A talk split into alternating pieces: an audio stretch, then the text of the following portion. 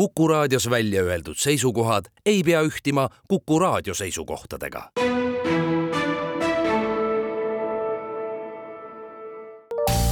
terviseks. Saadet toetab Lääne-Tallinna Keskhaigla, vaata ka keskhaigla.ee tere, head Kuku kuulajad, eetris on saade Terviseks ja kui me eilses saates rääkisime rasedusaegsest toitumisest, siis tänasel teemal jätkame. mina olen Ingela Virkus ja koos minuga on stuudios Lääne-Tallinna Keskhaigla toitumisnõustaja ja toitumisterapeut Külli Holsting, tere taas! tere päevast! Me rääkisime eelmises saates sellest, et äh, tegelikult ka kui naine toitub tervislikult ja kõik näitajad on normis, kõik on justkui nagu hästi, siis ta võiks ikkagi konsulteerida mingi hetk toitumisterapeudi või toitumisnõustajaga, et enda toidumenüü üle vaadata. aga ma eeldan, et äh, väga paljud naised ei jõua esimest korda teie juurde ikkagi siis, kui juba äh, lapse ootus on käes, vaid pigem ka raseduse planeerimise ajal, on see nii? ja on küll, sellepärast et Ähm, näiteks ülekaal äh, takistab viljastumist, nii et siin on oluline saada siis seda kaalu allapoole ja samas ka liiga äh, madal äh, kehamassiindeks, alla siis seal seitsmeteistkümne, kaheksateistkümne KM-i, võib olla ka takistus, et rasestumine üldse toimuks. et keha peab ikkagi tunnetama, et on piisavat ressurssi see rasedusaegne periood üle elada ja, ja energiat selleks peaks siis jätkuma. kui palju see päriselt muudab seda olukorda, et näiteks ongi kas siis ala- või ülekaaluline naisterahvas pärast teie nõustamisele tulnud, vaatate toidumenüü üle, teete mõned pisikesed muudatused ja tegelikult ongi juba äh, nii hästi, et naisel õnnestub rasedaks jääda?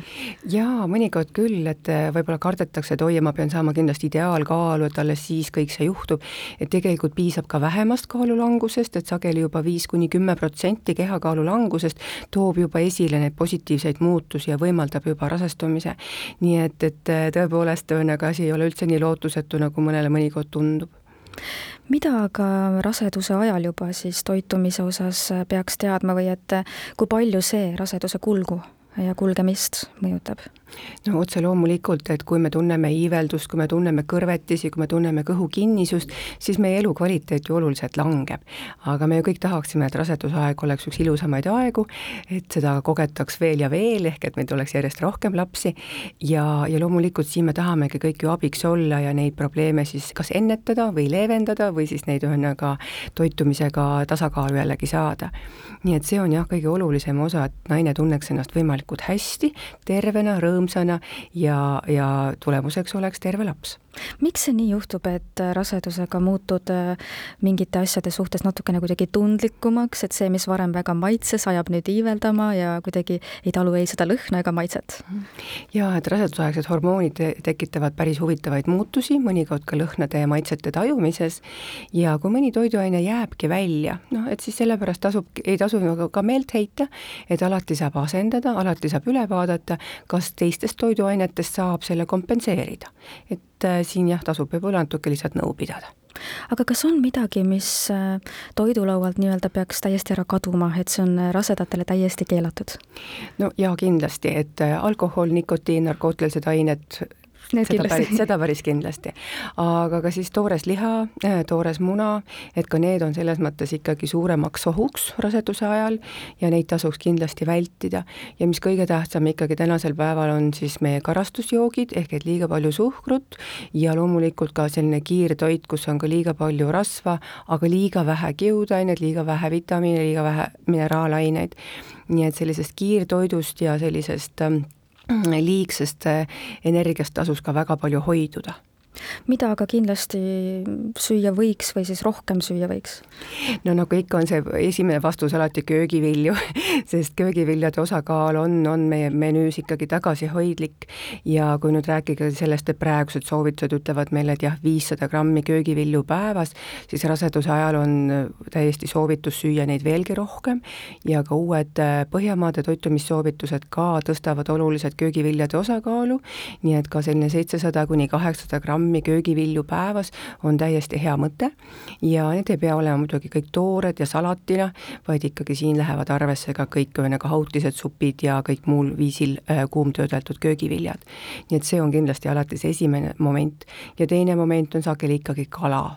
Et just see rasvane kala, kust me saame hädavajalikku D-vitamiini ja omega kolm rasvhapet kuidas sellega nüüd, kui me oleme siin rääkinud, et kuidas toitumine mõjutab rasedaks jäämist ja raseduse kulgu, siis äh, kuidas see seda mõjutab, et äh, milline on näiteks lapse immuunsüsteem sündides, et näiteks kas ta on tundlikum mingisuguste toiduainete suhtes, et on need kuidagi omavahel seotud mm? -hmm.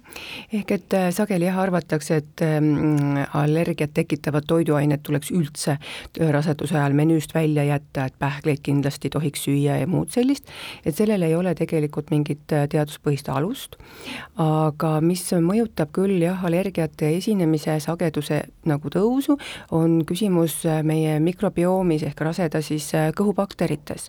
ja neid võiks küll proovida hästi toita. ja nende lemmiktoit on samuti jällegi üllatus-üllatus, kiudained, mida me saame just taimsest toidust. aga paha ei teeks ka lisa võtta siis just sellisest hapendatud toiduainetest, mm, köögiviljadest ja piimatoodetest, kus me saame lisa neid baktereid. et see on küll väga oluline ja nende bakterite tasakaal on ka see, mis siis äh, moduleerib siis ka vastsündinu immuunsust, tema soolebakterid ja tema tulevast tervist üleüldse.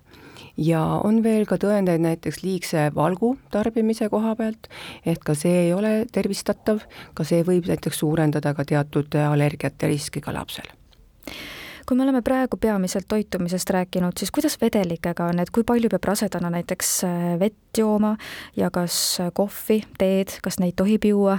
Et äh, kohvi ümber on jah, päris palju müüte just sellepärast, et seal on see kuri kofeiin, mida siis ühesõnaga kardetakse hirmsasti, aga üldiselt äh, ikkagi paar tassi lahjemat kohvi, soovitavalt mahekohvi, ei ole selles mõttes kindlasti nagu keelatud ka raseduse ajal. et see sageli parandab ka veel hoopis lõhu, kõhu läbikäimist. ja vett tuleb juua alati nii palju, et ei oleks janu ja ei oleks ka kõhu kinnisust. ehk et äh, sageli raseduse ajal veevajadus suureneb, kuna ka raseda keha talletab endas vett, lootevedelik vajab vahetamist, nii et vedeliku vajadus võib olla ka vägagi individuaalne. ja kui kohv on juba menüüs, siis võiks jah, tähelepanu pöörata ka tee kofeiinisisaldusele ja kakaole, et ka neid siis mitte, nendega mitte liialdada.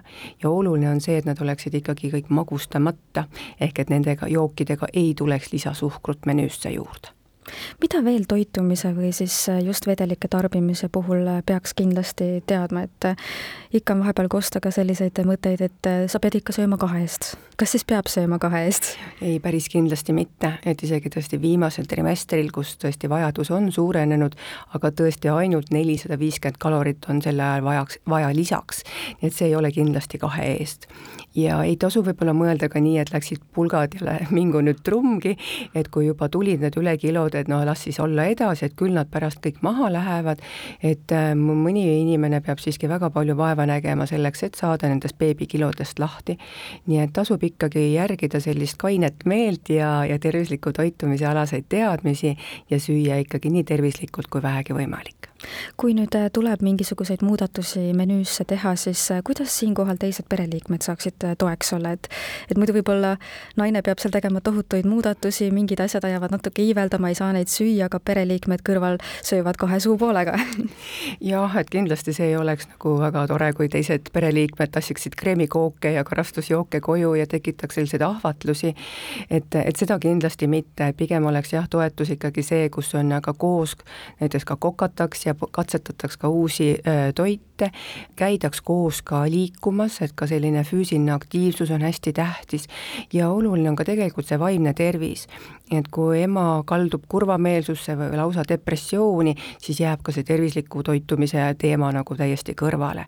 nii et perel on väga tähtis roll ja just nimelt toetuseks ja abiks sellel ajal ja ka edaspidi aitäh teile saatesse tulemast ja nõu andmast, Lääne-Tallinna Keskhaigla toitumisnõustaja ja toitumisterapeut Külli Holsting ning palju jõudu ja jaksu teile! aitäh! terviseks saadet toetab Lääne-Tallinna Keskhaigla, vaata ka keskhaigla.ee